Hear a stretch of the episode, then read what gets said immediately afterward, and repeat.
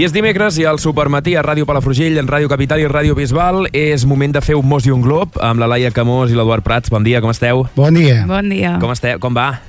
Molt bé. Tenia ganes que vinguéssiu aquí a, a Ràdio Palafrugell, eh? Sí, eh? Jo ho portava reivindicant. Sí.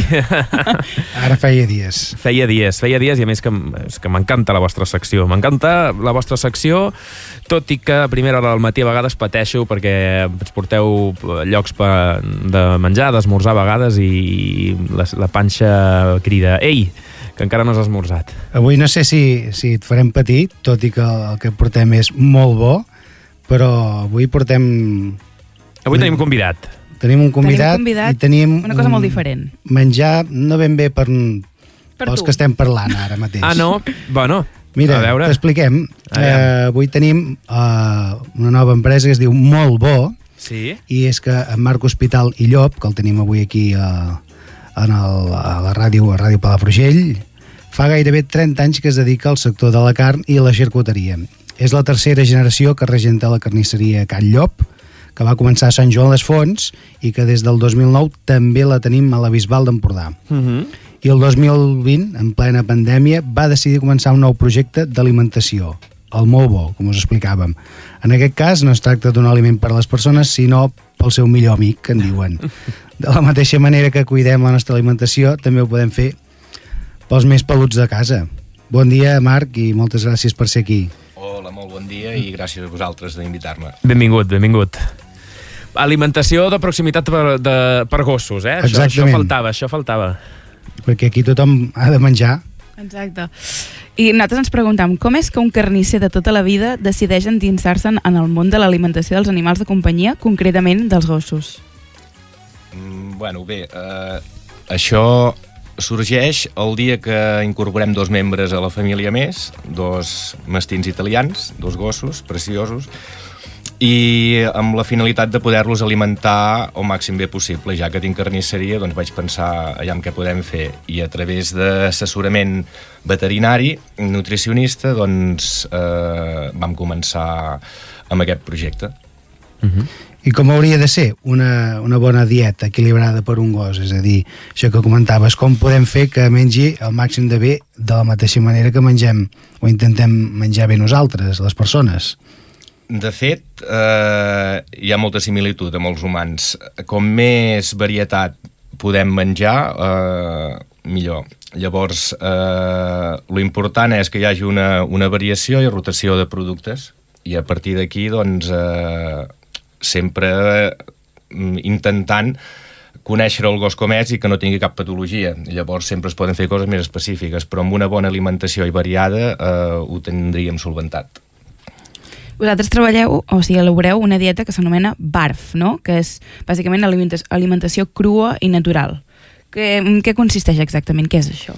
Bueno, el BARF, eh, que en català seria ACBA, l'acrònim d'Aliment Cru Biològicament Apropiat, Uh -huh.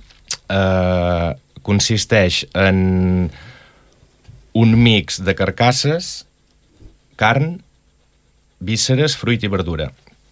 A partir d'aquí, eh, la idea és donar-los als gossos el, eh, el menjar cru per intentar recuperar una mica eh, l'alimentació ancestral dels seus antepassats. I això permet controlar malalties o patologies? Amb, amb aquesta dieta es pot fer tot això? Uh, sí, sí, i a més a més ens, uh, ens ho facilita molt pel fet de que sabem exactament els productes que hi posem.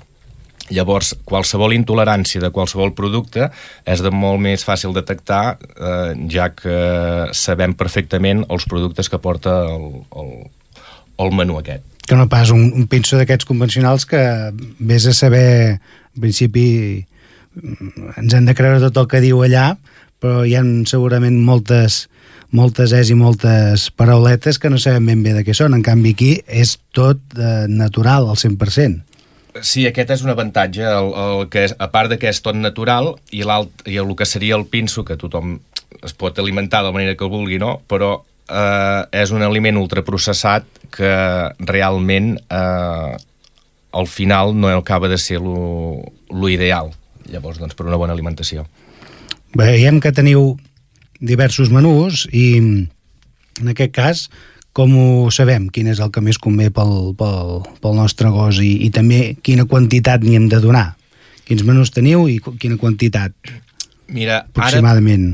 ara per ara tenim uns 8 menús que serien, de, eh, per exemple, el de gall d'indi, el de vedella, pollastre, cèrvol, porc, conill, i dintre aquests en fem uns de premium, diguéssim, que porten uns tipus de vísceres i fruites i verdures més xic, no?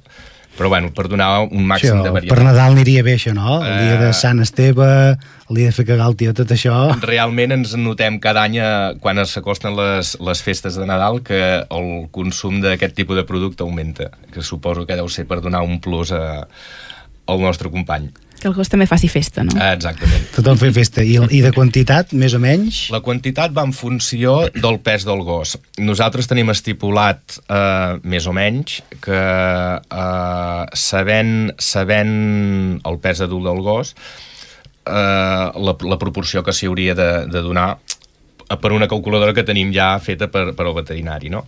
Però en general o, o, hauríem d'entendre que és un 3% del pes del gos, entre un D'acord. 2,5 i un 3% del pes del gos. Molt bé, i llavors els aliments que feu servir per fer aquesta dieta, no? per elaborar aquesta dieta, són el mateix tipus de carn que veneu a la carnisseria? Quin procediment seguiu per elaborar-ho tot plegat? Sí, els, els productes venen dels mateixos proveïdors de que, dels que ens serveixen per la carnisseria, per tant, tot el producte que utilitzem és de consum humà. Mm, dir que el producte que fem és per consum humà tampoc seria mm, correcte, perquè està destinat a les mascotes i ja són, bueno, temes burocràtics és diferent, no? Però sí, sí, el, el, el tema, el, els, proveïdors, ai, els proveïdors, perdó, els productes, tots són dels mateixos propis proveïdors que tenim.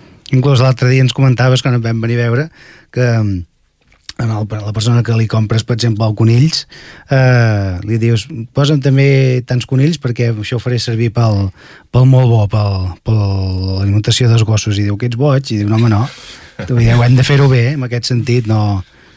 Sí, sí, és, és molt curiós perquè, eh, clar, carnisser de tota la vida, petit, eh, comprant sempre per la carnisseria, quan arriba el moment que poden augmentar una mica les compres, no? diuen, ostres, i això? Eh, dius, com és? I quan expliques què és per les mascotes, tothom s'estira una mica el cabells. Potser per falta d'informació, però nosaltres ens cenyim a, a, a la filosofia que hem mantingut a la carnisseria, doncs llavors eh, volem mantenir una qualitat i que la gent sàpiga que el que compra és el que, el que realment és. I després també hi ha, que parlem molt de carn i de, de carcasses i, i de verdures, però que també el peix és molt sap als gossos, cosa que sempre atribuïm poder més a, a, als gats. Sí, això també al, al principi em va sobtar molt, però realment és així. Eh, Poder-los donar un cop a la setmana peix, en aquest cas, mm, ja que estem a la zona sardines, uh -huh. és ideal, però tal qual, un cop haver passat uns dies de congelació, crua, i bueno, és un complement a, a tota l'alimentació que estàvem dient per fer-la al màxim d'equilibrada, és perfecte. O sigui que s'assembla molt a les, a les persones, Sí, sí. aquest aspecte. Llavors, quin, quin perfil de clientela teniu? O sigui, el, el, la gent que us compra és perquè mm, volen millorar l'alimentació dels seus animals eh, o són també potser gossos que tenen alguna patologia i que amb aquesta alimentació doncs, millora la seva salut, no? Pot ser tot això? Sí, uh, les, és just el que acabes de dir. Uh, en general, pot, probablement un 70%, malauradament, és gent que les seves mascotes tenen alguna patologia. Llavors, eh, s'utilitza aquest tipus d'alimentació per intentar controlar-lo. Mm, també, cada vegada més, la gent agafa consciència i ens trobem que, un fet d'un canvi i d'una bona alimentació, estan introduint ja en el que diríem eh, a la dieta BARF o l'ACBA, que realment és, et pots estalviar molts de problemes a la llarga. I per anar acabant, què els hi diries tu a la gent que diu no, és que el gos només, només ha de menjar pinso?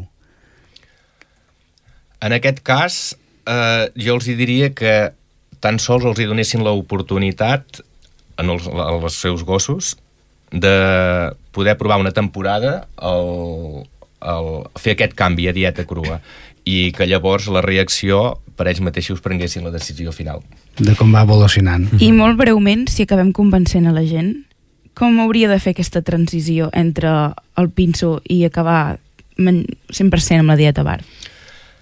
Um, realment, si els gossos no tenen més de 3 anys, es podria fer deixant un dia de dejuni, l'endemà es podria començar amb aquest tipus d'alimentació, si no tenen cap patologia. Si tenen alguna patologia, s'hauria de fer una setmaneta de dieta tova que en diuen, per exemple, pollastre i arròs bullit, i llavors a introduir el, la, els, la nova carn, el nou, la nova alimentació, eh, primer cuita una mica i anar, anar disminuint la, la cocció fins a donar-li totalment crua. Perfecte, doncs, ja ho veus Molt bé. eh, Dani, com està, a més a més eh, gràcies Marc per haver vingut i esperem que un altre dia, si, si en tens ganes i temps, que sé que vas, sabem que vas molt atabalat, ens vinguis a parlar de Can Llop, sí. perquè és una carnisseria que la trobem a la Bisbal, per persones, en aquest cas, i, Sí, sí. i que tant en Dani com la Laia i jo doncs hi hem anat moltes vegades perquè realment tenen molt bon producte i molta, I tant. Doncs molta sí. varietat. I ja veieu que els peluts de casa també es poden alimentar de producte de proximitat, creat per una empresa de proximitat, o sigui I que... amb gent de proximitat. Exacte. Escolteu, gràcies, moltes gràcies, Marc. Gràcies a Que vagi bé. I Laia i Edu, teniu un minut Vinga. per explicar-me les activitats Doncs- i, la, i els vins, perquè vull posar el temps amb Perfecte. en Marc No Clapés. sé si arribarem als vins, però Mira. aquest cap de setmana... agafeu la mascota i aneu cap a, per exemple, al- a un mercat de Nadal Exacte. de Pere Tallada, que hi trobareu els nois de Satonagint, per exemple, xocolates, xocolates artesanes Leo, Botibó, són botifarres de pagès amb una food truck, I moltes coses, Moltes més. coses més. I el diumenge 3 a les 10 a l'Abricoc Amb podeu sense- potser tastar sense- xocolates. sense poder la mascota perquè No, aquí no. fotrien tot per terra. Xocolates amb la Victuar, que és un nou projecte se- que s'està a punt d'instal·lar a Torroella i que l'heu de conèixer. Molt bé. doncs merci per tot. A veure, va, digueu-me quin, quin, el vi, quin El era vi, el vi. tenim I temps? Ja, ja, no, Mira, sí. Uh, vi novell 2023 del celler cooperatiu d'Espolla. Ara és temps de vi novell perquè per Sant Martí s'ha de tapar la bota al vi i ara és moment de vi novell. Molt bé. Doncs si de cas la setmana que ve ho amplieu amb la Maria. Ah, no, la, setmana, la setmana que ve quin dia és? És festa. És festa, Setmana Doncs. D'aquí dues setmanes. Doncs que tingueu molt bon pont. Merci. Igualment, Va, merci, gràcies a adéu. tots. Adéu. Tots tres, de fet.